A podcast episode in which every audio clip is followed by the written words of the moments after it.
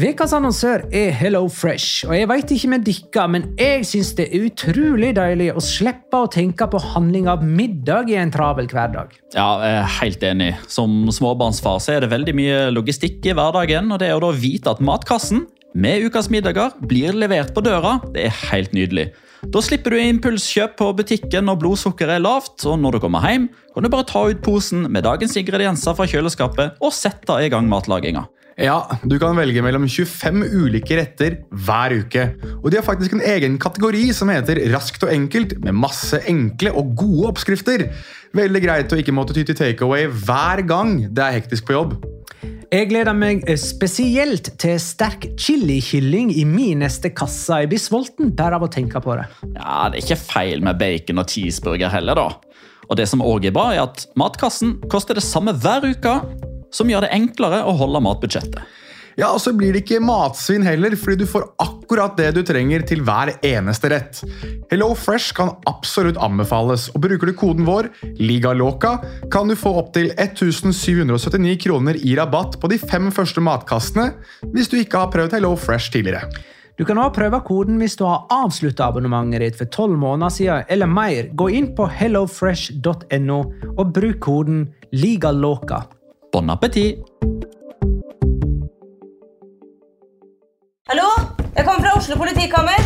Ine Jansen er purk. Er du purk? The motherfucking bitch. Alt jeg vil, er å finne ut hva som skjedde med mannen min. Jon Carew. Er jeg sikta for noe? Iben Akeli. Det er du. Ole So, Lars Berrum og Big Daddy Karsten. Hvem sin side er du på, egentlig? Anette Hoff, Tone Danielsen, Kommer du fra Afrika? Jørnis Josef, Nesten. Kløfta. Trond Espen Seim. Det er synd å si det, men det var feil mann som døde. Purk.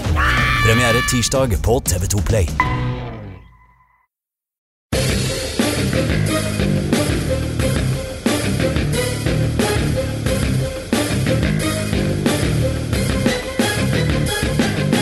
Har du sett? Bare ett bortelag klarte å ta poeng denne helga. Du gjetter det aldri!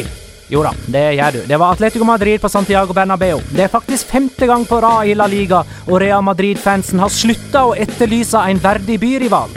Atletico kan havne over Real Madrid på tabellen for bare andre gang på 21 år.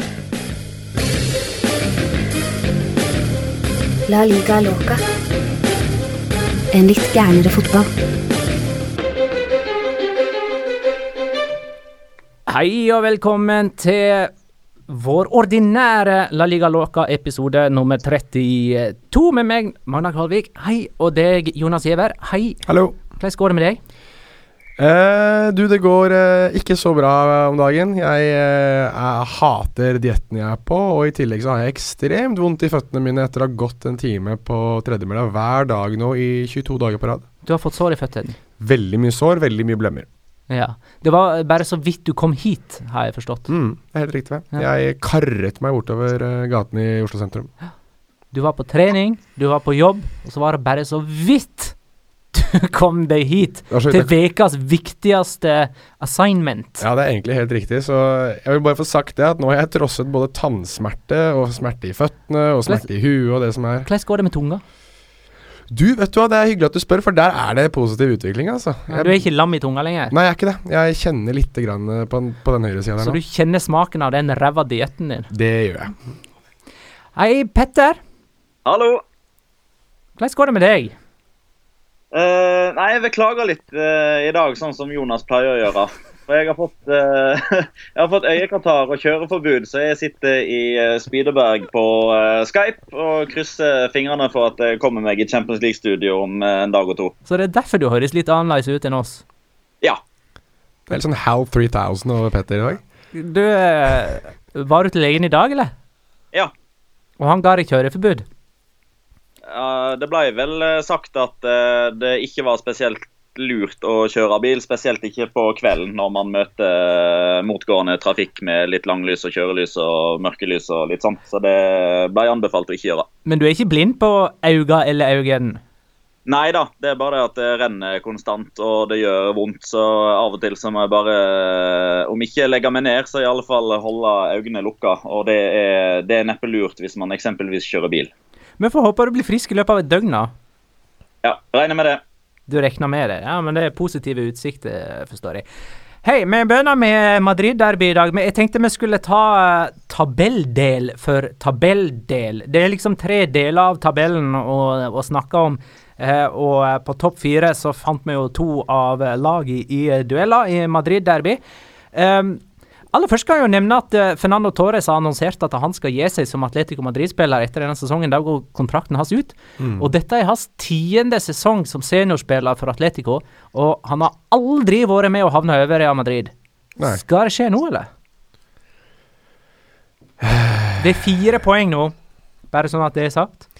I favør uh, Atletico, som er nummer to på tabellen. Jeg har ikke rukket å se på, uh, på kampene som de to lagene har igjen, og det har kanskje Petter gjort, men Um, Atletico Madrid har et uh, betraktelig enklere poeng enn uh, eller gjenværende program enn hva Real Madrid har. I tillegg så vil vel kanskje Real Madrid uh, fokusere i litt større grad på, på, Champions League enn det Atletico Madrid gjør på Europaligaen, eller trenger å gjøre på Europaligaen, kanskje. Uh, jeg ville vel tro at for Real Madrids del så handler det på veldig mange måter om å redde æren denne sesongen her av å Eh, havner på da fjerdeplass eventuelt, eller tredjeplass, og så uh, få Champions League-trofé. Mens jeg tror det er mer akseptert hvis Atletico Madrid ikke vinner Europaligaen, men ender på andreplass foran Real Madrid. Uh, jeg tror det er en større mm. ripe i lakken for Real Madrid sånn sett, da. Så jeg tror uh, Jeg tror, og, og, det blir litt feil å si, men det hadde vært litt moro for, for Fernando Torres del hvis han får lov til å avslutte sesongen, eller avslutte sin Atletico Madrid-karriere med å ende over Real Madrid for en gangs skyld. Og kanskje med et europaligatrofé, sånn tross alt, da. Ja, det hadde jo vært gøy. For han har vel ikke mange trofé med dette laget heller? Uh, hvordan er det? Må jeg sjekke opp. Petter? Du er, mer, du er, du er mer, du er mer uh, orakel enn det jeg er på det her. Uansett, så uh, Det er to, to ting, eller tre ting, da, som kan være et mål for Torres i hans siste sesong som Atletico Han har bare vært med å vinne uh, segunda divisjoner med Atletico. Ja, i 2002. Han, han har ikke vunnet nok ting, han. Uh, så det å vinne et trofé, mm. det å skåre sitt hundrede La Liga-mål, ja. og det å ende over Real Madrid på tabellen mm. Det må være tre mål å følge uh, for Torres, som nå er 34. Veit vi, Petter, hva han har tenkt seg? Ikke så veldig interessert i å, å snakke om. Um, det ligger vel an til at uh, det blir noe eksotisk, enten øst eller vest. Kanskje han slår følge med en type som Zlatan og spiller sine siste år i MLS, f.eks. Kan ikke han slå følge med Zlatan enda nærmere enn det å gå til LA Galaxy? Zlatan Torres. Oi.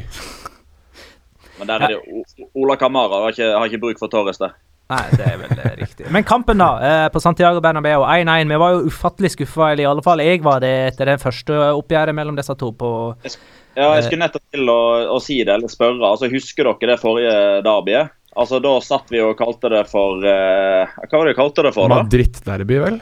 Madrid-derby, ja. Mm.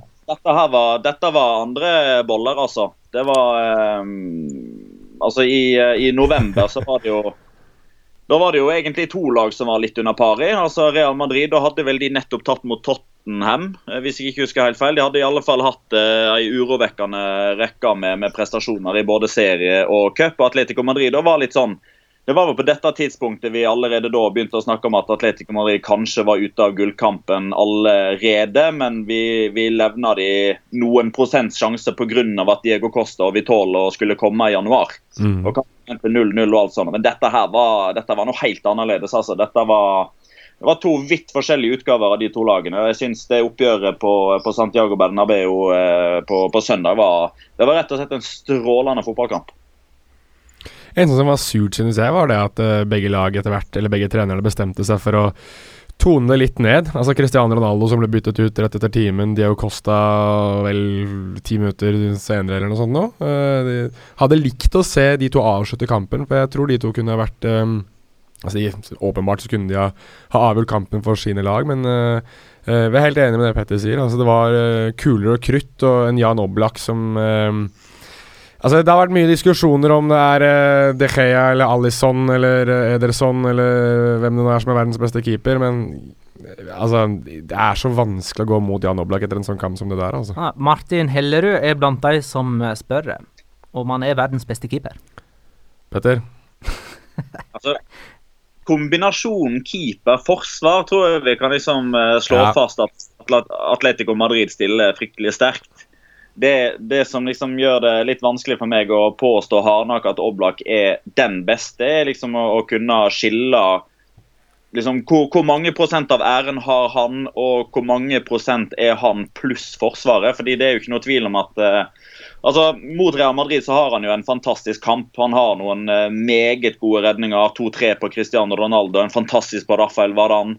eh, et par i andre ganger der òg. Sergio Ramos helt på tampen på det frisparket. Men, men veldig ofte så er jo altså Hvis Jan Oblak og Atletico Madrid holder nullen, så går jo det på den kollektive statistikken og det går på smultringsstatistikken hans, men det sier egentlig ganske lite om hvor ofte eller hvor sjeldent han blir testa i løpet av en kamp fordi forsvarsspillet foran han er så veldig bra. Mm.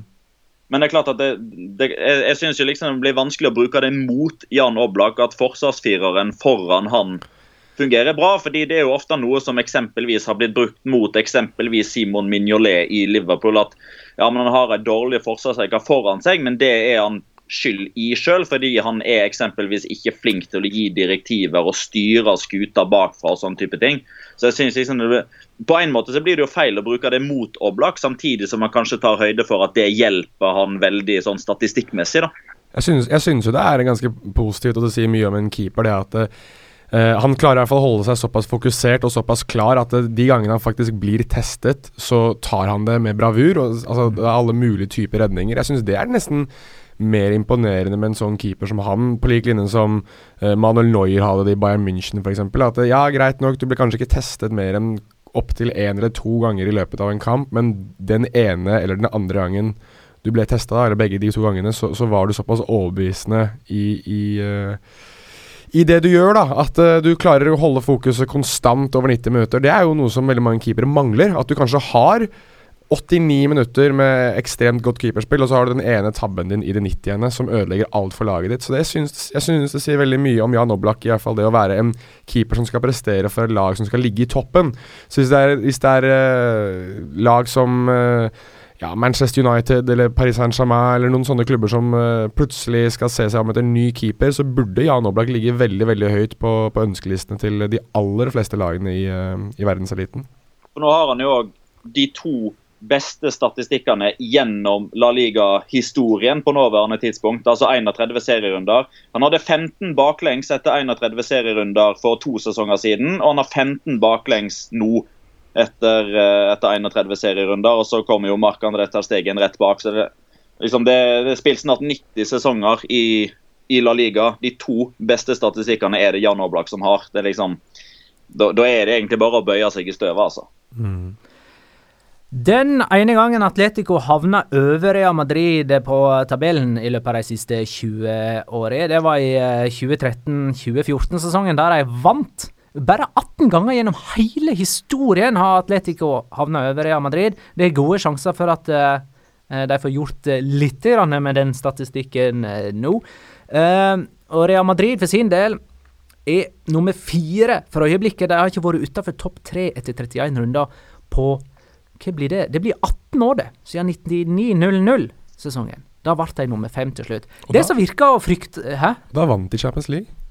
Ja, det gjorde de. Ja. Eh, De pleier jo å kombinere dårlig sesong i La Liga med god sesong i Champions League. slo Valencia i finalen, tror jeg. Ja, det var Valencia. Ja. 3-0. Mm. McManaman skåra til og med. Mm. Um, og de- vant jo eh, Champions League også i 13-14 mot uh, Atletico. Ja. Det er jo eh, typisk Real Madrid å drive på sånn. Men det de ser ut til å frykte aller mest nå, det er å måtte stå æresvakt for uh, Barcelona i den 35. serierunden uh, på kamp nå. Noe visstnok uh, Zinedine Zidane sier nei til. Det er flere som spør oss om, om den greia der. Per Christian Enge, f.eks. Hva er våre tanker om det der eh, ja, om, om hele tradisjonen med å stå æresvakt, og det at Zidane sier nei til det? Eh, hvis jeg skal svare først, så vil jeg, for å være veldig kjapp Jeg, jeg siterer Jarl Piquet, jeg, som sa det at uh, Jeg tror ikke jeg får sove i kveld, jeg. jeg tror ikke, han sa vel det ganske ironisk. Nå blir det ikke noe nattesøvn. Men det er vel et eller annet med at uh, åh, det, det, er sånn æressurmuling. Uh, Zidane mener at de ikke trenger å stå æresvakt fordi at Barcelona ikke gjorde det da Real Madrid hadde vunnet VM for klubblag. Ja. Petter, hva tenker du? Altså, sånn som jeg oppfatter hele situasjonen, altså det å stå æresvakt i Spania, altså El Pasillo, det handler først og fremst om å vise sin si, respekt og sin um, altså, ja, Å vise respekt overfor den som har blitt seriemester. Så det å liksom dra inn VM for klubblag og til og med Champions League og Copa del Rey og sånt, altså dette her kommer fra gammelt av, sånn som jeg har forstått det, fra at man skulle hedre det laget som ble seriemester, som på mange måter da Altså, Seriemesteren hylles i seriekamp. Man blander ikke inn andre turneringer. Jeg syns jo jeg syns egentlig det er en ganske fin sånn tradisjon. Eller Det blir kanskje feil å kalle det tradisjon hvis den blir brutt, men det å, det å på mange måter da bare kunne strekke armene i været og si gratulerer, denne sesongen var dere bedre, vi applauderer dere inn. Og så bruker man det som motivasjon for å sørge for at ikke dette skal skje igjen kommende sesong.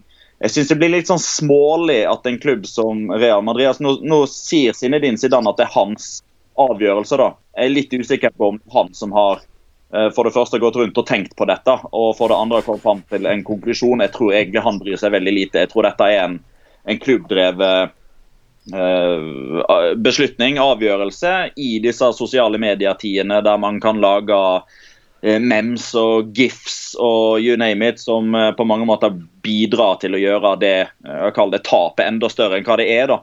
Men altså, Hvorfor ikke bare bruke det som en ekstra motivasjon inn mot neste sesong for å sørge for at dette her ikke skal skje? Altså En klubb som Real Madrid som alltid snakker om verdier og at det er så stort å spille for Real Madrid og at de, de står for mange flotte verdier. Skal være en gentlemansklubb, er ikke det det de sier? Ja opp. Florentino Perez, når de signerer nye kontrakter, når de henter spillere, så står han der alltid og forteller om hvor, hvor flott og, og, og, stor og uh, respektfull denne klubben her er. Og så skal man ikke kunne gratulere Barcelona på den måten som, som, som er vanlig å gjøre, som de har gjort før. Jeg husker jo tilbake i var det 2008, når Real Madrid hadde blitt seriemester rett før El Clásico. Ja. Eh, Barcelona sto æresvakt, Real Madrid feide over de 4-1. Rett etter det så kom den største revansjen kanskje i klubbhistorien for Barcelona sin del med Guardiola-æraen.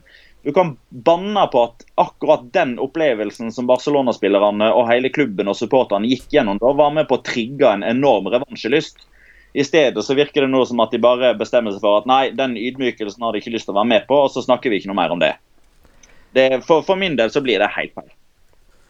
Grunnen til at uh, Real Madrid er på fjerdeplass, vet du, det er at Valencia vant uh, nok en gang. De slo Español på uh, Mestalla, og nok en gang Rodrigo Ro, Unnskyld meg, ass. Rodrigo Moreno. uh, de, de, overbeviser vel ikke denne kvelden heller, Valencia, men seier blir det. En kjedelig fotballkamp. Ekstremt kjedelig fotballkamp, syns jeg. og igjen, jeg, jeg skrev vel på Twitter at jeg har mye, snakket mye stygt om Levante denne sesongen. At jeg syns de er kjedelige å se på. At ikke det er et morsomt fotballag. Eh, og det har jeg ment lenge, men gud hjelpe meg at det spanjollaget her er så blodfattig og så kjedelig å se på. Det er greit nok at Rodrigo skårer etter syv minutter, men etter det så skjer det ingenting. Altså Det er ingen reaksjon, det er ingen lyst, det er ingen aggresjon, det er ingen vilje, det er ingen passion. Altså Det er ingenting fra Spanjol. Så det er egentlig da 83 minutter hvor to lag nesten spiller seg fram til uh, hverandres boks, og så er det noen halvsjanser og noen skudd utafor, og Rodrigo har jo en god heading blant annet som uh, kanskje ble fått på mål, men ellers så er det ingenting som skjer. Så det, det er eh, Litt sånn business as usual for Valencia. Er ganske effektive. Tar med seg de tre poengene de, de, ønsket, og gjør ikke mer enn nødvendig. Er det ni seriekamper på rad nå uten tap? Tradisjonen tro, da? eller? Åtte seire og én uavgjort, mener jeg. Vi kan faktisk begynne å snakke om tradisjonen tro. Og egentlig den, altså, Hvis man liksom deler sesongen til Valencia i to, da, så hvis du tar serierunde 1 til, 1 eh, til 19 og 20 til 38, så begynner det å ligne veldig på hverandre. altså. Mm. Det er utrolig mange av disse kalle dobbeltoppgjørene da, som har endt med samme utfall, og som òg har hatt samme utvikling i kampene. Da. Fordi den, den rekka man har nå da, med 8-1-0, den var jo 7-2-0, hvis jeg ikke husker helt feil, i, eh, i høst. Mm. Og, og, da begynte liksom rekka fortsatte, man, men man begynte å se de svakhetstegnene for Valencia sin del for første gang denne sesongen i bortekampen mot Alaves. Da husker jeg, da, da kom de fra 4-0-seier mot, eh, mot Sevilla, men den borteseieren som de tok mot Alaves, var det heldige slaget. Og Så slo de Leganes greit, og så var de veldig heldige som slo Español på bortebane. Og Så kom poengtapet mot Barcelona, og så kom det første tapet mot Retafe. Så det, altså det som blir spenningsmomentet for Valencia denne sesongavslutninga her nå, da altså vi, Du lista jo opp eh, typ sånn topp tre målsettinger for Fernando Torres for resten av sesongen. Eh, For, for, for Valencia sin del så er jo altså Champions League-plassen er jo sikra nå. Uansett hvordan Viareal gjør det mot Atletic nå i, i kveld, så kommer ikke de til å ta igjen så mange poeng på, eh, på Valencia, som sågar er foran Real Madrid. Så det, det blir Champions League-fotball på, på Mestalla neste sesong. Delmål nummer én er å holde seg foran Real Madrid. Delmål nummer to er å ta igjen eh, Atletico Madrid. Og delmål nummer tre er jo å, å ta sin egen poengrekord fra 2014-2015-sesongen. Da ble de nummer fire med 77 poeng. Eh, og eh, For at de skal klare det, da må de eksempelvis eh, unngå å tape poeng mot, uh, mot Retafe mot Eibar, sånn som de gjorde i, i første halvdel av sesongen. og Det er to av de tre neste kampene de har. Kan ikke du si litt om Español, Petter? Beklager at jeg, jeg må bare Jeg satt virkelig og var eh, litt rysta, og har vært litt, vært litt rysta ved Spanjol. Jeg veit at jeg tar litt rollen din nå, Magnar. Men vær så snill. Altså, jeg sitter og ser på det laget som starta den kampen. Altså, Gerard Moreno, Paulo Piatti, eh, Carlos Sanchez, greit nok. Sergi Darder, José Manu Jorado. Dette er spillere som er av mye, mye høyere kaliber enn det de har prestert denne sesongen her. Ja, ja, absolutt. Og De, de karra seg vel opp en øvre halvdel helt på slutten av, eh, av forrige sesong. eh, og det var jo med på å stille en forventning om at dette burde de klare igjen. fordi før forrige sesong så syns jeg de gjorde ganske mye riktig på overgangsmarkedet. De henta inn ganske mange spillere som hadde bevist gode ting i La Liga tidligere. Eh, De henta inn eh, Jorado kom da, eh, Leo Baptistao kom da, David Lopez, eh, Pablo Piatti. Eh, Nå har de spedd på med typer som Sergi Darder, som Esteban Granero, som Oscar Duarte. Eh, Gerard Moreno har vært der en stund nå, og han er vel kanskje egentlig den eneste som leverer tett opp mot det nivået som det er forventa å ligge på. Og Når det er så mange gode spillere, men som ikke klarer å bli satt i system, når det er såpass mange i utgangspunktet gode og underholdende fotballspillere som, som, som spiller kjedelig fotball, da syns jeg det bare er én naturlig ting å gjøre, og det er å kikke på treneren. Treneren som sitter der nå, er en type som jeg i utgangspunktet har litt sansen for. Jeg liker Sanchez eh, Flores eh, på bakgrunn av måten han jeg å håndterer media på, måten han snakker på. Han har vært eh, sidekommentator på, på spansk TV for noen sesonger tilbake når han ikke hadde jobb. Syns han var veldig flink til å, å snakke om det fotballfaglige da. Han har bakgrunn fra Atletico Madrid, han har bakgrunn fra Valencia, han har prøvd seg i Premier League. Så det er jo en type som, som skal ha gode nok fotballfaglige forutsetninger og karisma og sånne type ting til å gjøre det bra i en klubb som Español, som er om ikke en sovende gigant, misforstår misforstå meg rett, men det er et potensial der som er uforløst. Med ny stadion med kapasitet på over 40 000, kommer fra en millionby, riktignok i skyggen av Barcelona. Men, men det er en klubb som, som, bør gjøre det langt bedre enn hva de gjør nå. Eh, og bare for å sette en sluttstrek under Kiki Sanchez Flore, så, så har vi jo vært så vidt innom det. Altså, der, der kommer jo eh, partene til å skille lag eh, nå i sommer. og Det virker egentlig som at Eh, altså, Sesongen er ferdig for dem rent sånn mentalt. De er helt ferdige. Altså, De kommer ikke til å rykke ned, de kommer ikke til å kjempe om en plass i Europa. Alle vet at treneren stikker. Eh, så nå, og, og ingen vet hvem som skal ta over, så jeg tror ikke spillerne føler på noe press for at nå Det ligger ingenting i potten for dem. Eh, altså, de, de, de vet ikke hvem de eventuelt skal imponere på, på våren 2018. Eh, fordi de vet ikke hvem som skal trene dem høsten 2018. Så det er liksom, det er et motivasjonsløst Español-lag som nå har en trener som har tankene sine på å finne ut hva han skal jobbe med høsten 2018, kontra å gjøre det så bra som overhodet mulig i sesonginnspurten. Så det, det er vel um, ja, Det er det kjedeligste laget i La Liga for øyeblikket. Tilbake igjen til Valencia. Eh, Rodrigo sikra eh, seier, altså, med sitt 15. mål. Med sine 15 skåringer har han sikra Valencia 16 poeng. Det, en- det syns jeg er en deilig statistikk.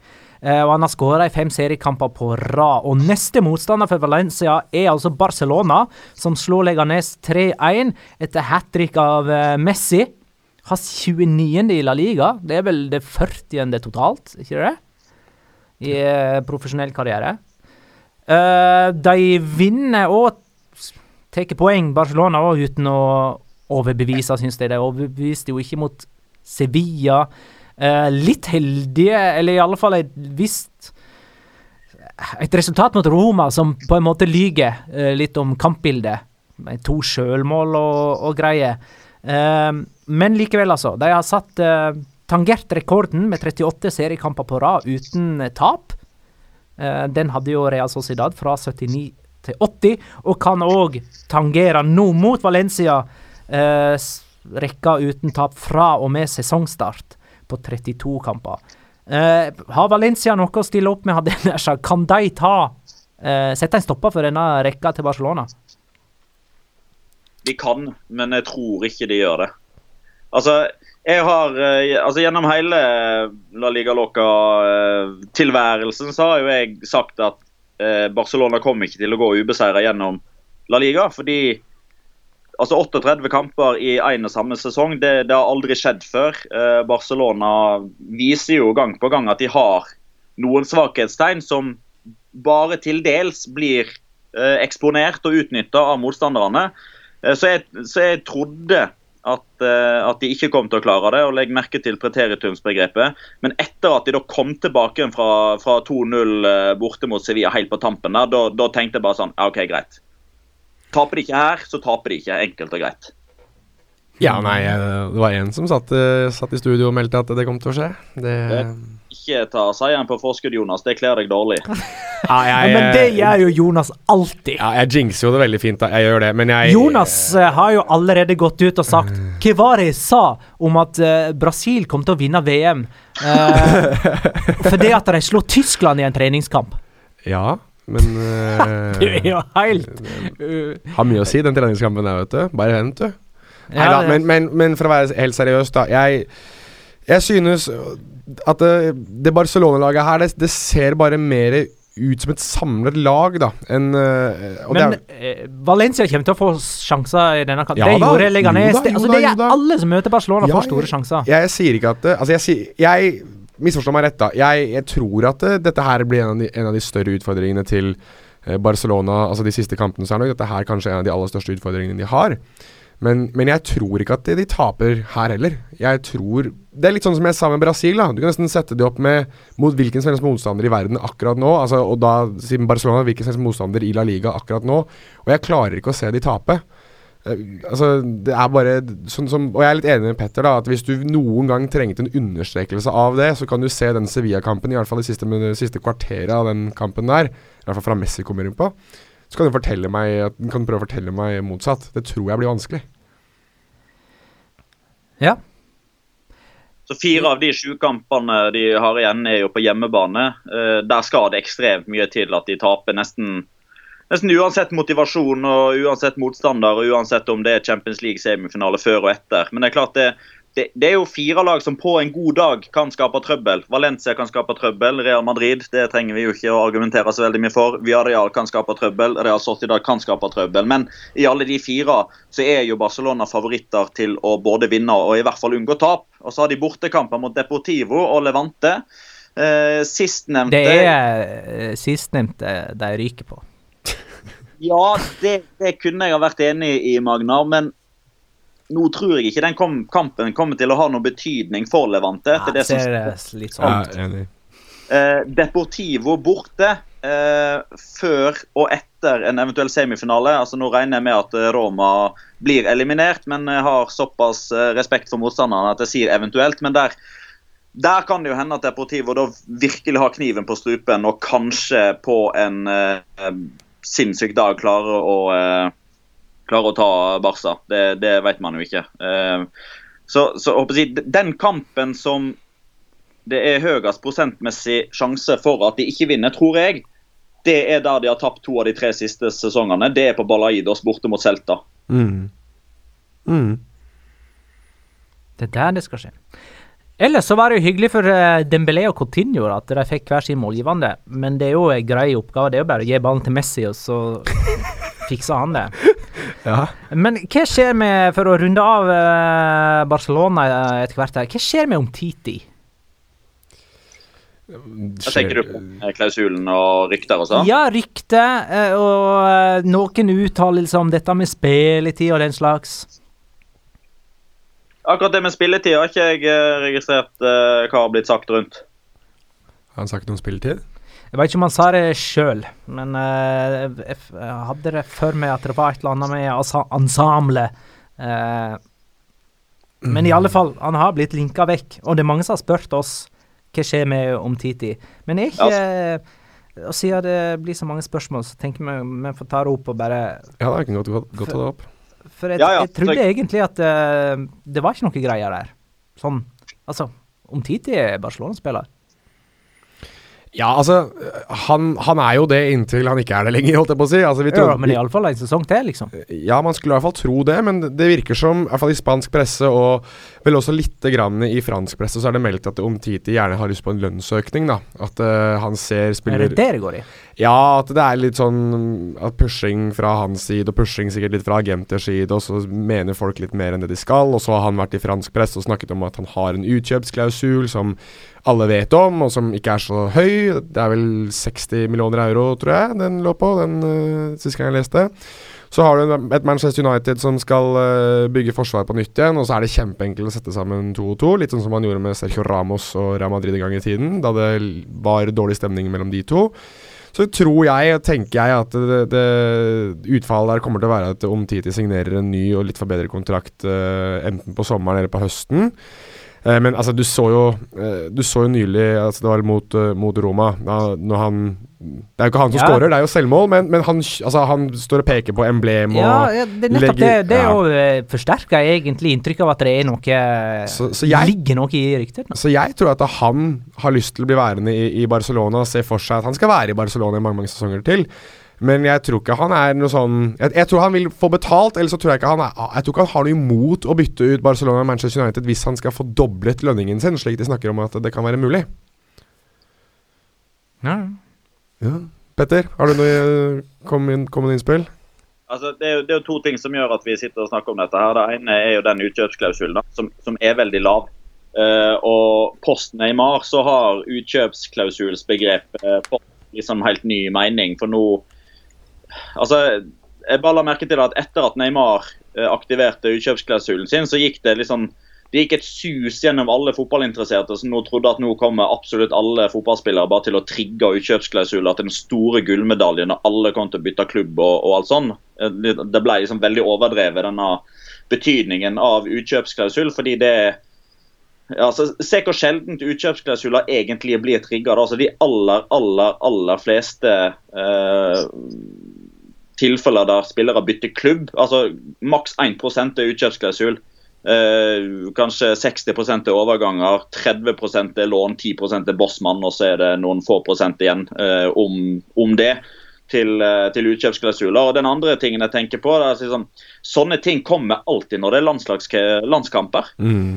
merke til. Altså, da har, da har pressen lite å skrive om, de har mindre å skrive om. fordi Da følger man ikke klubblagene dag for dag for dag, sånn som man gjør når det kommer kamp hver tredje-fjerde dag. Da har de mindre å fylle ting med. Da er Eh, altså da, da endrer hele mediebildet sitt. Altså Se bare i Norge. Da altså da er Joshua King tilbake i Norge og snakker med norske journalister. Da er Martin Ødegaard der, da snakker han. Da er Sander Berge der. Eh, da er Håvard Nordtveit der, og alle sammen. og Da, da får man en litt sånn annen type vinkling enn hva man får til vanlig når disse spillerne er utilgjengelige i Bournemouth, i Heerenveen, i Genk, eh, i eh, Hoffenheim etc. Så da, da, får man et helt annet mediebilde. Så, så det at altså Dette intervjuet som Omtiti gjorde, syns jeg liksom var helt naturlig. Jeg, leste det og kunne liksom ikke helt forstå at, at det intervjuet der skulle trigge så voldsomt med, med, rykter. Men da er det jo litt sånn som Jonas er inne på.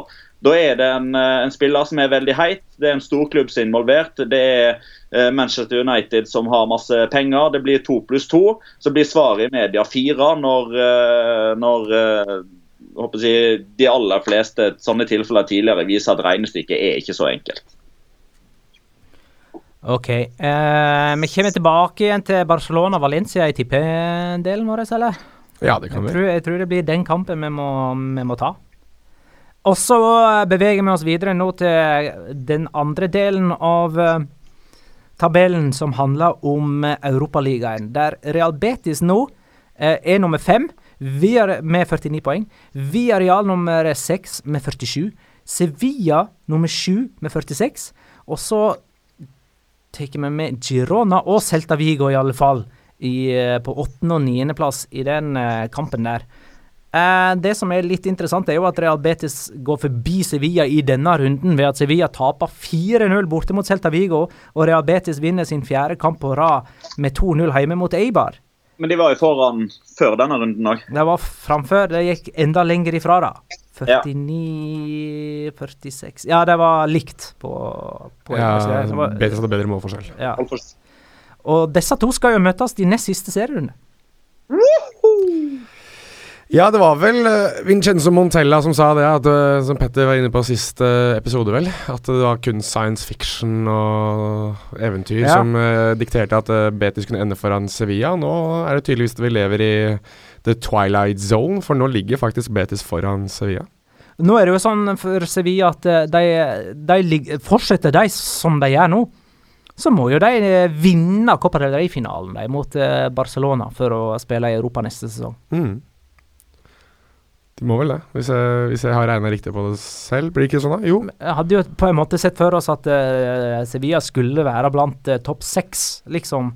Uh, men det ser ufattelig dårlig ut. Hva, de har 50 baklengsmål, Sevilla. Eneste lag på øvre halvdel som slipper inn så mange mål. Og dette var den sjuende kampen deres med fire eller flere baklengsmål. Den kampen der kunne vippet begge veier, da. Det skal, skal strengt tatt sies. Der de taper 4-0 mot Celta Vigo. At ikke Sandro Ramires i hvert fall skårer én gang, det er jo Altså, skal vi snakke om Twilight Zone? Et par av de der Et par av de skuddene hans som strengt tatt treffer keeper, mer enn keeper redder. Er et par av de som er helt ekstreme, altså sånn i uflaksens tegn. Så det Altså, greit nok 4-1. Jago Aspas hat trick, og det er uh, Altså, det er, det er egentlig tre ganske gode mål av Jago Aspas, synes jeg. Men, men at Alle med høyre. Ja, egentlig det òg. Egentlig. Uh, ja, det er egentlig. det, definitivt alle med høyre. Det- Defin definitivt alle med høyre. En via, en via som var på streiken. jeg husker ikke hvem det var. Men uansett. Eh, jeg, synes, jeg synes, hvis vi skal bruke begrepet flatterende, sånn som, som jeg har misbrukt et par ganger, så kan jeg bruke det litt her, synes jeg. For jeg, jeg synes ikke Sevilla er tre mål dårligere enn Fire? Fire. ja, fire, så, beklager. Fire mål dårligere enn det Celta, Celta Vigo er. Sorry, jeg har vært oppe siden klokka seks. Disse føttene mine har verket i en del timer nå, så jeg kjenner at det går til huet mitt. Men nei, altså Jeg tror faktisk ikke at de klarer å komme seg, komme seg over Real Betis heller. Jeg tror de blir værende på, på syvendeplass, med mindre Villarreal skulle gi dem den sjetteplassen. De har et ganske håpløst utgangspunkt i, i eh, Champions League for øvrig eh, mot Bayern München. Tapte 2-1 hjemme. Uh, møter de i München på uh, onsdag.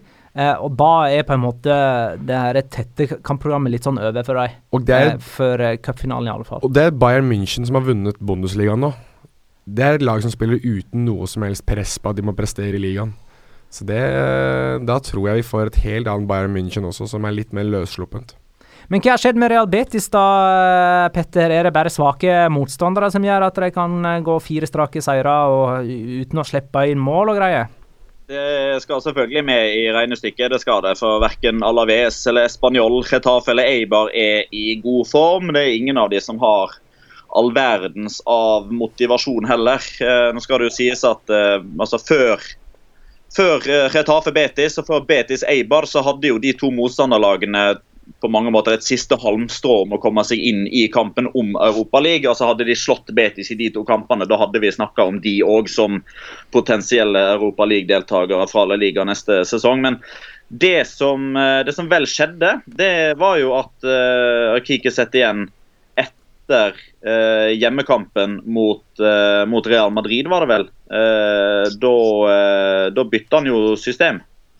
Da begynte han å spille med tre mann bak. Eh, da kom eh, Jordi Amat inn sammen med Mark Bartra og Aisa Mendy. Uh, og det, det, gjorde de jo tidlig i, i sesongen òg, uh, uten hell. Da, da, da, klarte de ikke den der uh, Altså den risikovurderinga var jo helt på trynet. Da bestemte man seg jo bare for at man skulle spille kort. Man skulle spille seg ut bakfra. Man skulle ikke slå langt uansett nå klarer man å ta egne valg utpå der. Nå virker det som at Kikkiset igjen har gitt de litt mer eh, sånn frie tøyler til å bestemme litt sjøl. Ser han situasjonen, må du slå langt, så slår du langt. Må du kelke han ut til innkast, så gjør du det. Uh, fordi man, man, hadde jo Altså på høstsesongen og på vinteren der så snakka vi jo hele tida om Betis med, med sinnssyke resultater. Med 4-4 mot Real Sociedad og 3-6 mot Valencia. Eh, Tapte 5-0 mot Eibar. Eh, slapp i fem mål inn mot Cádiz i, uh, i cupen. Uh, slapp inn fem mål mot Barcelona, fem mål mot Real Madrid. Så det har jo vært en sånn Sevilla-greie, det.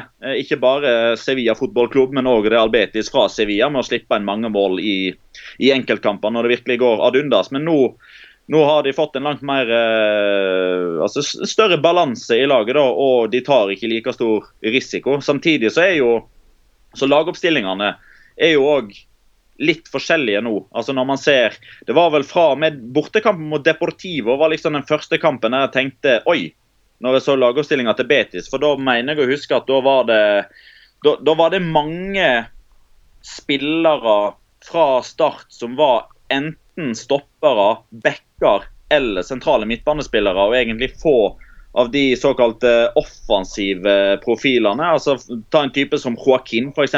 kun starta én av de siste seks.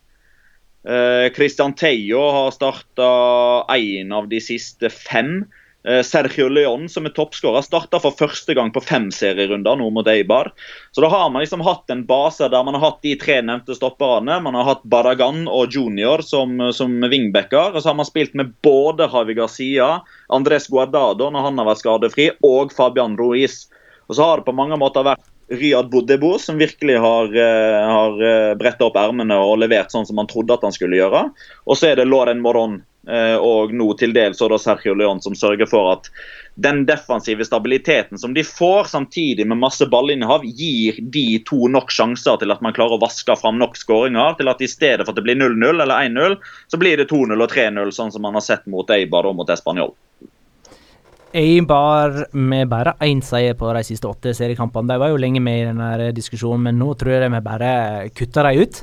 Uh, Girona er jo fortsatt egentlig i diskusjonen. Tre poeng bak Villarreal før Villarreal slår Atletic senere denne kvelden.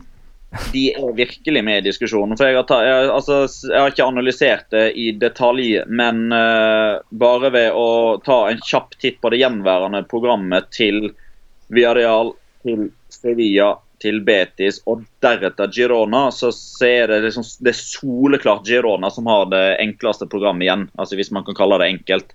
Altså De har en nøkkelkamp som kommer nå allerede til helga, da, på, på, fredag. For da møter de Betis på hjemmebane. Mm. Den er så deilig, den kampen der. Taper de den, da, da, kan vi legge lokk på det, antageligvis, med mindre Sevilla begynner å fortsette å avgi poeng. Altså Sevilla og Villarreal møtes jo, så lag nummer 5, 6, 7 og 8 møtes jo kommende serierunde. Så der kan en del bli uh, avgjort. Men Tar de poeng, eller i hvert fall hvis de vinner, da må man regne med Girona hele veien inn. For de fire kampene de har etterpå der, da møter de Alaves, som har sikra plassen. De møter Español, vi snakka om de i stad, de er mentalt ferdige allerede. De møter Retafe, som er ute av Europaligadansen og er i svak form. Og de møter Eibar, som er ute av eh, Europaligadansen og er i svak form. Og så møter man Valencia i nest siste serierunde. Da, da kan det hende at det allerede er liksom avklart at Valencia blir nummer to eller tre eller fire. Og så møter de Las Palmas, som etter alt å dømme har rukket ned allerede i siste serierunde. Mm. Så Girona de er med hele veien inn. Men eh, kanskje vel så viktig for eh, Girona er at de har sikra seg mot nedrykk med sju ja. kamper igjen. Mm. Matematisk. Det er fordi at uh, de er 21 poeng framfor Deportivo og har de på innbyrdes. Så Deportivo kan ikke gå forbi. Uh, og det er sterkt. Uh, moro. hvem skåra egentlig først av William José og Stuani i den kampen mellom Real Sociedad og Girona? Svaret var ingen. Ingen av de skåra i det hele tatt. Men sterk 5-0-seier for Real Sociedad under nye trener Imanol Alguacil. Det var jo på en måte Det var hjemmedebuten hans, det. Mm. Ikke sluppet inn mål under han heller. Nei, det er ikke Så det er helt merkelig. Jeg klarer ikke Jeg har jo sittet og hylt og skreket om hvor mye mål de slipper inn, og nå slipper de jo ikke inn med ny trener, så jeg vet liksom ikke hvordan jeg skal hvordan jeg skal reagere på det laget her lenger. Og når de i tillegg mangler kanskje de to av de viktigste spillerne denne sesongen, i Odriozola og Jarramendi, så vinner de 5-0. Ja, tre målgivende, altså, Rotosa. Som Tre. Og to mål av Oyarzabal. Surrealistisk. Ja, jo eh, Janusai skåra òg. Jo, han gjorde det. Merka med deg. Eh, vi veit ikke utfallet av Viareal Villarreal Athletic. Den eh, går om eh, 55 minutter eh, mens vi nå sitter i studio. Vi må eh, ta litt om eh, nedrykksstriden og eh, Ah, ja. Ehm, I den grad det er mye strid. Eh, de fem nederste lagene på tabellen har skifta trener denne sesongen. Mm. Alaves og Levante har hatt suksess med det. Malaga, Deportivo og Las Palmas har på ingen måte hatt uh, suksess med det. Uh, Malaga ligger helt nederst. 14 poeng fra trygg grunn, med 21 poeng igjen å spille om. De er ferdige. Las Palmas er nest nederst, 10 poeng fra trygg grunn. Deportivo tredje sist, 8 poeng fra trygg grunn. Men de vant eh, mot bunnlaget Malaga denne helga. Første seier eh, Det var faktisk på fredag. Første Mm. seier i 2018. Første seier under eh, Klaren Sedorf. Um, skal vi gi dem et håp og den slags? Jeg hadde sagt ja inntil vant, eh, vant sin kamp. Det hadde vært uh, gøy. Det var jo òg mot uh, en av disse Ja. nedrykkslagene, Las Palmas. Stemmer. Hadde Som ikke var en store drama. Dette er to store dramakampene denne eh, runden. Ja, definitivt. Levante Las Palmas 2-1, Deportivo Malaga 3-2. Begge avgjort på overtid. Definitivt. Nei, jeg synes eh, Hadde ikke José Campania skåret uh, det vinnermålet for Levante på overtid, vel, så, så hadde jeg sagt at det er litt uh, drama. Det kunne vært litt endring i, i bunnen der. Men jeg tror Levante på veldig mange måter sikret seg fornyet kontrakt med med den skåringen der, og jeg tror dessverre for uh, Deportivo la Corona så kommer eh, sluttspurten litt for sent. Eh, veldig imponerende at de eh, klarer å slå tilbake. Altså de, de uh, mister jo ledelsen mange ganger blir det? To ganger? Uh, de leder. Ja, de leder to- 1-0 og 2-1. og Det Ja. ble 1-1 og 2-2. Ja. Uh, at, de, at de da til slutt klarer å, å få uh, den tredje siste skåringen i kampen, eller sin tredje skåring i kampen, som, som vinner, vinner for dem, det er jo meget imponerende. Og det, det på mange måter beviste litt at det, det bor en, en fight i dem som vi ikke har sett tidligere, men den fighten kommer absolutt altfor seint, og det er egentlig veldig trist. og det er kanskje en, eh, en slags oppsummering av Deportivo la Corona denne sesongen. Vi diskuterte litt på Twitter at det var jo Uh, var ikke akkurat veldig mye supportere uh, på stadion heller for å se det i kanskje sesongens viktigste kamp. Så El Riazor eh, ser vi nok som en, eh, som en eh, tribune, en bane, i uh, Segunda neste sesong. Enig, Petter? Ja, det virker nesten uunngåelig nå. Én ting er liksom det at ja, de, de har vunnet sin første kamp i 2018 nå, men de vant mot uh, Malaga på hjemmebane, lag nummer 20, som var eller, jeg håper å si, det eneste laget som har vært dårligere til nå. da. Eh, men det er klart at det, man ser jo litt på Levante nå, da, hva den den seieren, den ene seieren virkelig kan bety. Når den først kommer, så kommer det uforløste potensialet litt. Men jeg tar en kikk på de gjenværende kampene til, Deportivo, og så kjenner jeg på deres vegne en sånn form for fallitterklæring. Mm. at eh, her eh, bare vifter med det hvite flagget allerede. De har eh, Atletic på bortebane, de har Sevilla, de har Barcelona, de har eh, Galicia Derby på bortebane mot Celta, de har Villarreal og de har Valencia. Så det er liksom At, at de da skal, eh, i løpet av eh, de få serierundene så igjen, altså det er 21 poeng å snakke om, så skal de da ta åtte poeng eh, mer enn Levante. Fordi altså innbyrdes så, så ble det 2-2 på Riazor og på eh, Tiotate Valencia. Så der er det målforskjellen som eh, kommer til å avgjøre. Der har eh, Levante minus 17 og Deportivo har minus 34. Så de må ta ni poeng mer enn Levante i løpet av de siste sju seriekampene. Det, nei, det, det blir for vanskelig, altså. Levante feira seier mot Las Palmas som om de hadde sikra nedrykket, eller mot. Sikra seg mot. nedrykk. De har ikke gjort det matematisk, men i praksis så ser det jo sånn ut. Tre seire og én uavgjort etter at Paco Lopez tok over. Ja, jeg leste at han er den treneren Eller en av de Skal vi se uh, Ja, han er vel den, den, den treneren med nest best eh, poengsnitt siden han uh, siden, I denne sesongen her, da. Han har to og et halvt poeng per kamp. Fire kamper, da. jo, for all del. Jo, jo, men i den perioden, ja. ja, Mm. ja, ja. Og det er veldig, veldig imponerende. Mm. Men eh, det er mange eh, av våre følgere som er veldig lite imponert over Paco Gemes og det han har gjort i Las Palmas. Jeg ser de svarer iallfall deg, eh, Jonas. Mm. eh, både Tommy Welde og Hans Christian Lange. Hans Christian Lange skriver Hvem er det neste til å gå i Paco-fella? Man må jo være kjempegod til å snakke for seg i jobbintervju. Er Mens Tommy. Welde mener at han er naiv. Han har kvitta seg med nøkkelspillere, gjør merkelige avgjørelser og leverer ikke resultat her heller. Han rykker jo ned med Rayo Han gjorde det. sin tid. Han gjorde det. Han var med på å rykke ned med Granada òg, selv om eh, Tony Adams kanskje var en større styggedom. eh, ja. Men han starta jo sesongen Ja, og det var ræva! Den eh, sesongstarten med Granada. Ja. Nei, altså, altså, altså jeg, jeg, jeg var jo veldig entusiastisk eh, når eh, den treneransettelsen kom, på vegne av underholdningsverdien. Eh, Men det er jo helt åpenbart at den, den spillestilen som Paco Remes da ønsker å spille, passer rett og slett ikke med det mannskapet som Nas Palmas har. Og da er det, da er det liksom to ting som jeg tenker på. Det ene er at Paco Remes ikke har vært flink nok til å fire på egne krav og eh, ikke liksom gå imot sine egne prinsipper ved å spille en, en annen type fotball. Det er liksom det første. Det er en svakhet ved Paco Remes, at han er litt for sta iblant.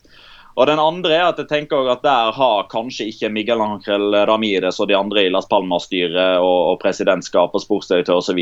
gjort en god nok research, fordi alle vet hva de får med Paco Remes. Mm. Alle vet hva som er utgangspunktet hans, hva som er spillestilen. Eh, Det kan de ikke ha latt seg overraske over. Eh, Og da er det liksom sånn, hvem skal man legge skylda på? Altså, eh, For å trekke parallellen til eh, Hans Christian eh, Lange, som, eh, som, som da ser for seg at Paco Remes er veldig flink til å snakke for seg i et jobbintervju. Det er jeg helt enig i, det må han være, men jeg tror ikke vi blir så veldig overraska over hva som blir sagt i et eventuelt jobbintervju, for alle vet hva slags fotball Paco Remes står. Jeg tror ikke han har løyet til Las Palmas-presidenten eller si, sagt at han skal spille en annen type fotball enn det han har forsøkt å få Las Palmas til å gjøre. Og Da går liksom alarmklokkene for min del når man da eh, velger å ansette Paco Remes, for da vet man hva man får. Samtidig så bør man jo da ha såpass forståelse for hva slags spillere som er i spillerstallen til Las Palmas, og, og egentlig bare se at eh, dette regnestykket går ikke sammen. De spillerne vi har her nå, de, de, de kan ikke spille en sånn type fotball. Altså du har De viktigste pasningsspillerne i Paco Remes sin fotball er midtstopperne. Da har du David Garcia, som snart er så gammel at han trenger rullator. Alejandro Alves. Eh, Chimo Navarro. altså Det er ingen av de som er kjent for å være gode med ballen i beina. Se på de sentrale midtbanespillerne til, eh, til Mas Palmas. Altså, Roque Mesa gikk sommeren 2017, og så forverra det seg når Jonathan Viera forsvant. Hva står man igjen med da? Man står igjen med Peter Etebo. Man står igjen med Javi Castellano, man står igjen med Alberto Aquilani, man står igjen med Vitente Gomez. Altså det, det er spillere som har en så lav pasningsprosent når de blir satt under press at det er Altså Begrepet selvmordsfotball ble jo lansert. Det viste seg å stemme, men kanskje ikke på den måten vi trodde. Skal vi tro at, Las, eh, at eh, Paco Hemes enten blir med Las Palmas ned, eller står uten arbeid i ganske lang tid framover? Jeg sa jeg tror at han blir med, blir med ned, men det backer jeg litt også fordi han var i Mexico i den, den perioden han var. og Som jeg sa vel i sist uh, podkast, så, så betaler de veldig veldig bra i Mexico. Altså Trenere blir betalt veldig veldig godt, spillere generelt blir betalt uh, veldig godt. Men jeg tror, bare for å svare litt på det ene spørsmålet vi fikk, hvorfor vi liker Paco Hemes så godt, hvorfor vi er så entusiastiske overfor han selv om det ikke alltid går like bra. Det er, det er vel gjerne det at han, eh, at han eh, står for en positiv fotball. Han står for noe aggressivt, står for noe offensivt, står for noe moro. Eh, han står for noe man ikke alltid ser like mye av. Ja, det er som Petter sier, selvmordsfotball, ja, men det er offensivt. Det er ikke, det er ikke en uh, uten, å, uten å sparke de noe under beltestedet, men det er ikke Sam Allardyce eller Tony Pulis i Premier League som skal fokusere på å bolstre opp bak og spille ræva fotball og lange baller og 1-0. Det er en kar som har lyst til å gjøre det på sin måte, og hans måte er alle mann forover. Heavy metal, la oss score syv, og så får de andre score seks. Og det er det er veldig veldig gøy når det går bra, og så er det rett og slett kamikaze når det går dårlig. Og dessverre for Paco Hemme sin del, og dessverre for den gode fotballens del, får vi si, så har det ikke fungert i Las Palmas. Det fungerte ikke i Granada. Men vi så nok av det i Raya Vallecano til i hvert fall forstå det at det, det kan være veldig gøy. Det kan være veldig morsomt.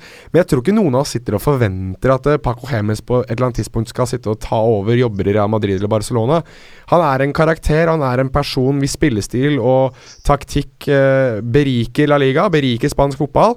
Og man må egentlig bare ta han litt for det han er, og det er eh, en, en, karakter.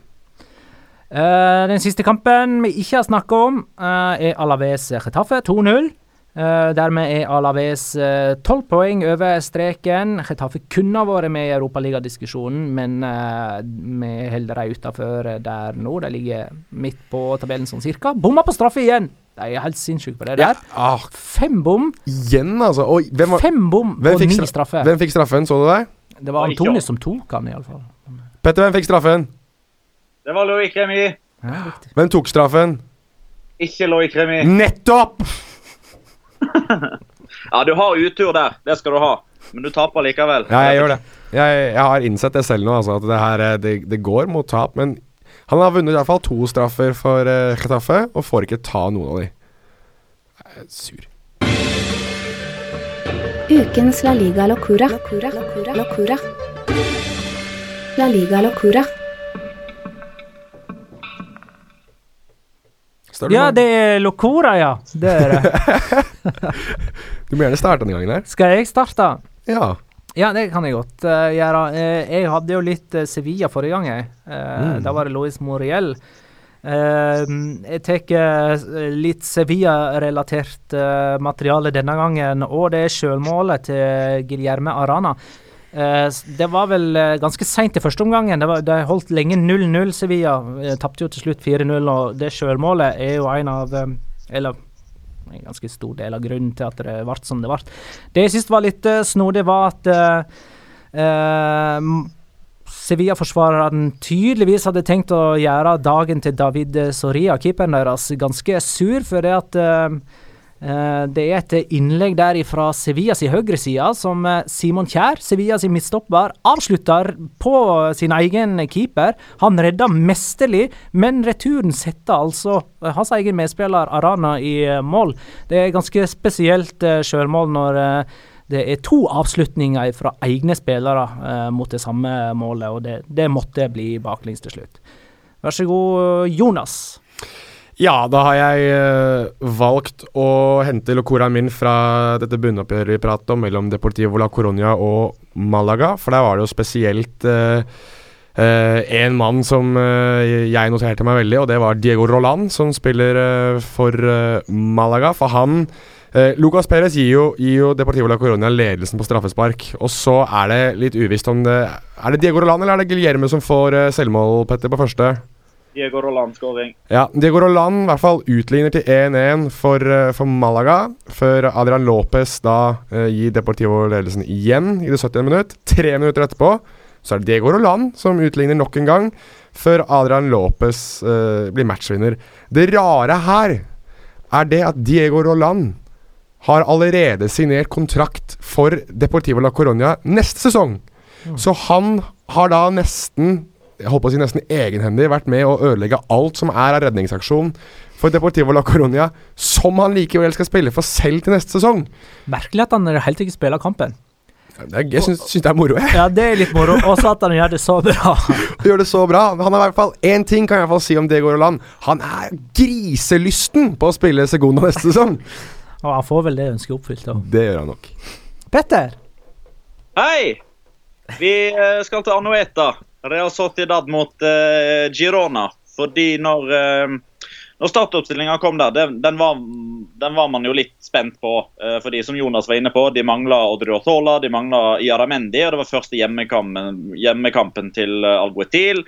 Så en av de tingene man la merke til, var jo at eksempelvis David Sorotosa var vraka. Det er jo en av de mest populære spillerne i eh, San Sebastian. Man har jo en, eh, både en hashtag og en, eh, en sang, altså 'No Suru, no party'. Og, da, og det viste seg jo å, å stemme.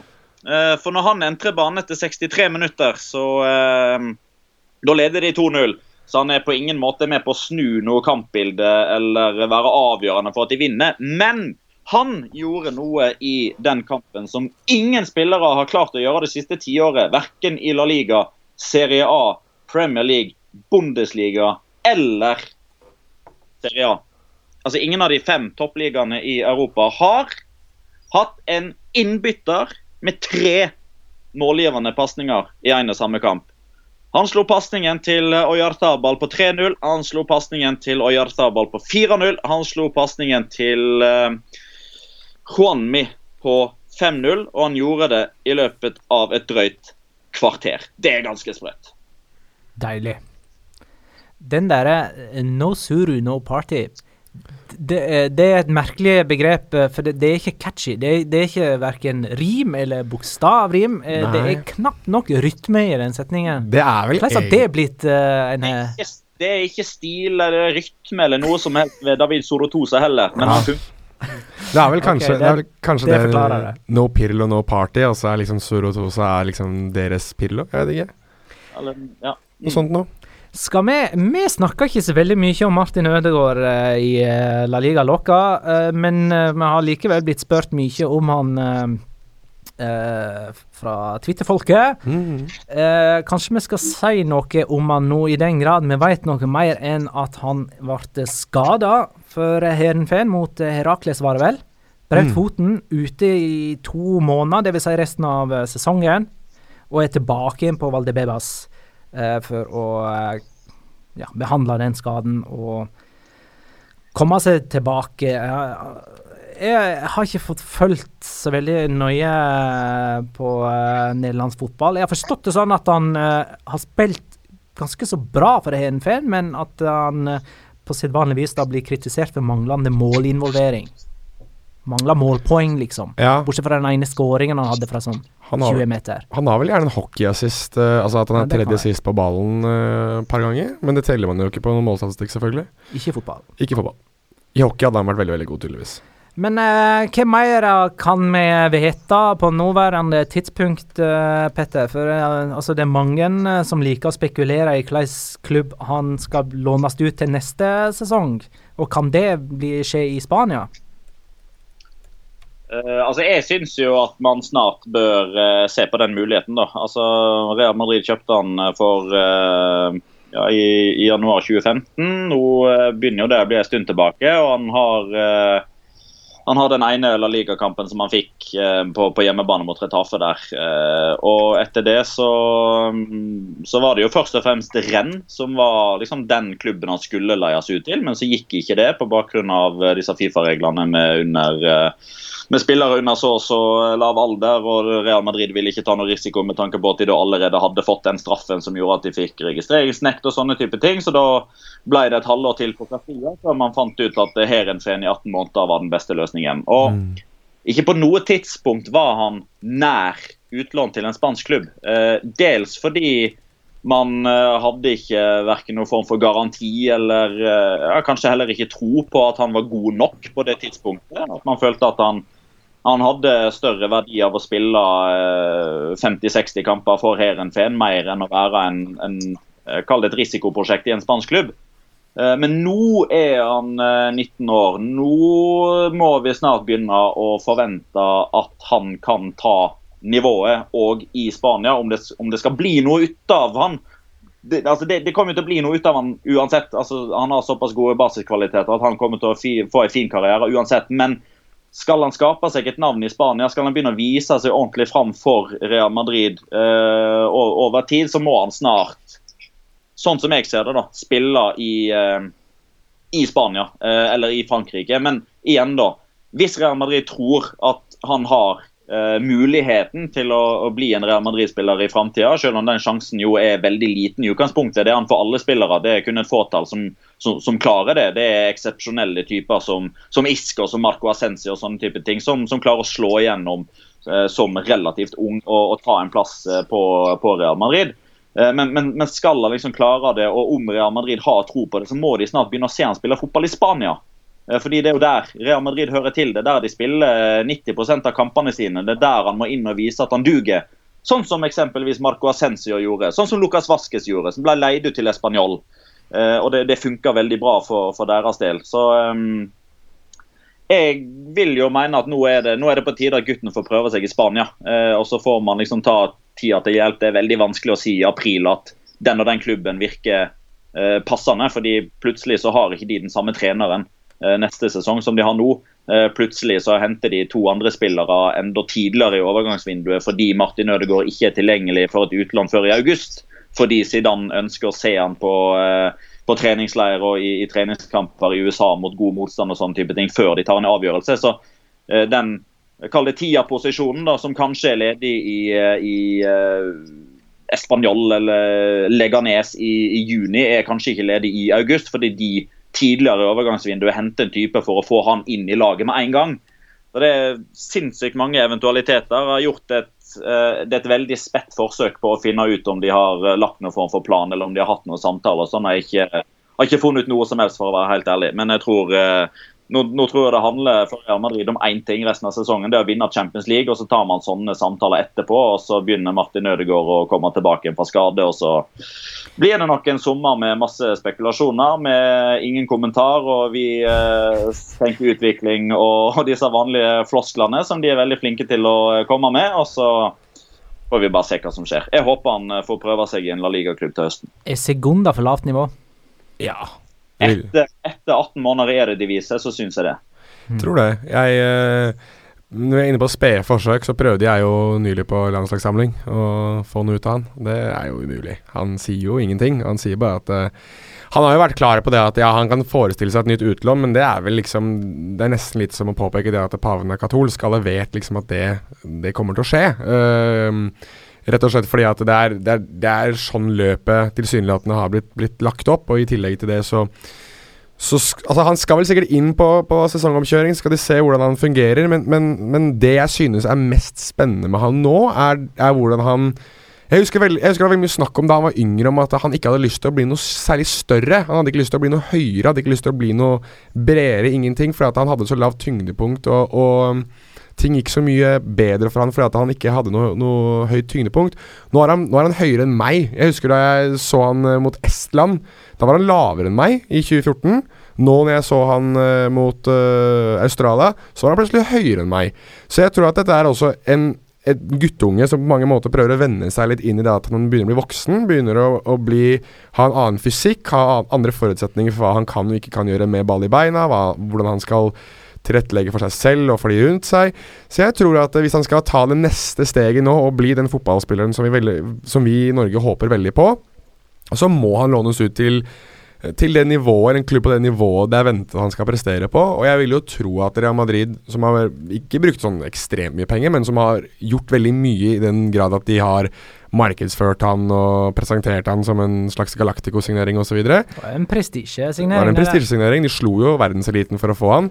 At de gjerne vil se han på det nivået. Så jeg blir veldig overrasket hvis de ikke låner han ut til, til en annen mm. Eh, La Liga-klubb. Men bare for å ta det Det, det, eh, det er mulig Petter nevnte det, men det, det er ganske få Real Madrid-spillere som slår igjennom i Real Madrid før de er sånn 23-24. Ja. Uh, Ødegaard blir for øvrig 20 i år, dvs. Si ja. i desember. De låner det som regel ut, eller selger de med tilbakekjøpsklausuler. Ja. Altså Danny Carvajal og Lucas Vasques er vel eh, to eksempler på det. Sånn sett, um, etter den planen der, etter det skjemaet der, så har han fortsatt god tid. Ja, kan jeg, kan jeg, komme, kan jeg få komme med et spørsmål? Bare sånn i, i, den, Vi snakker om Real Madrid her nå. Jeg fikk et spørsmål nå litt, rett før vi gikk på. Ja, kom igjen.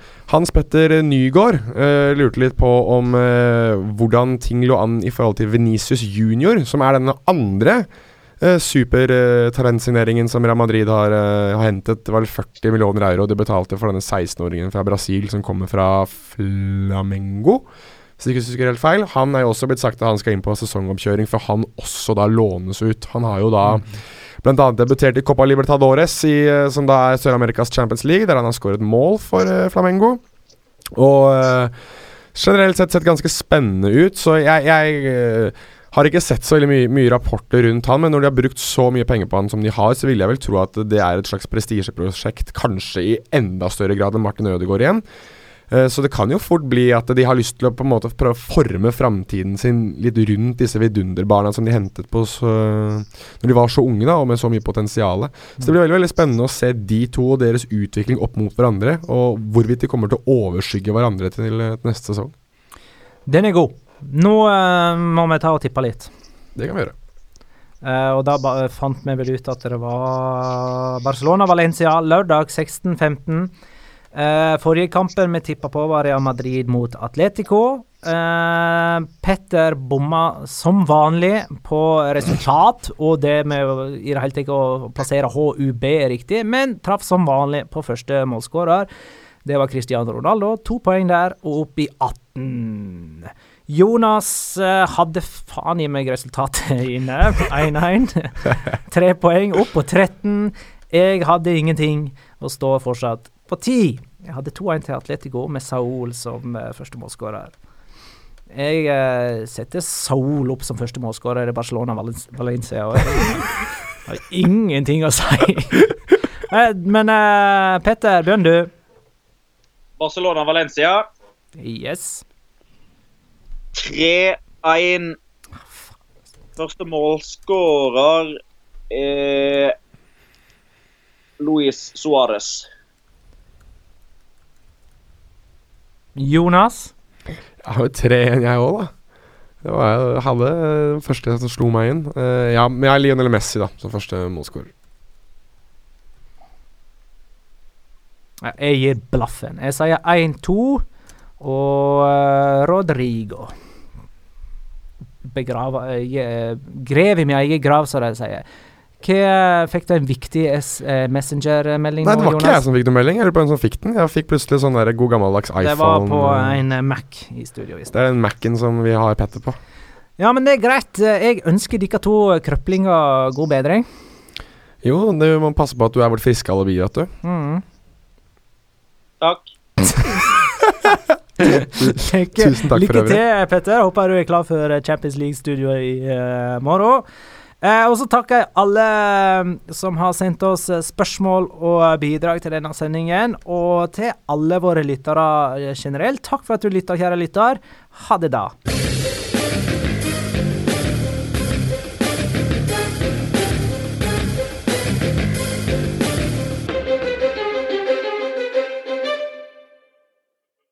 Har du et enkeltpersonforetak eller en liten bedrift?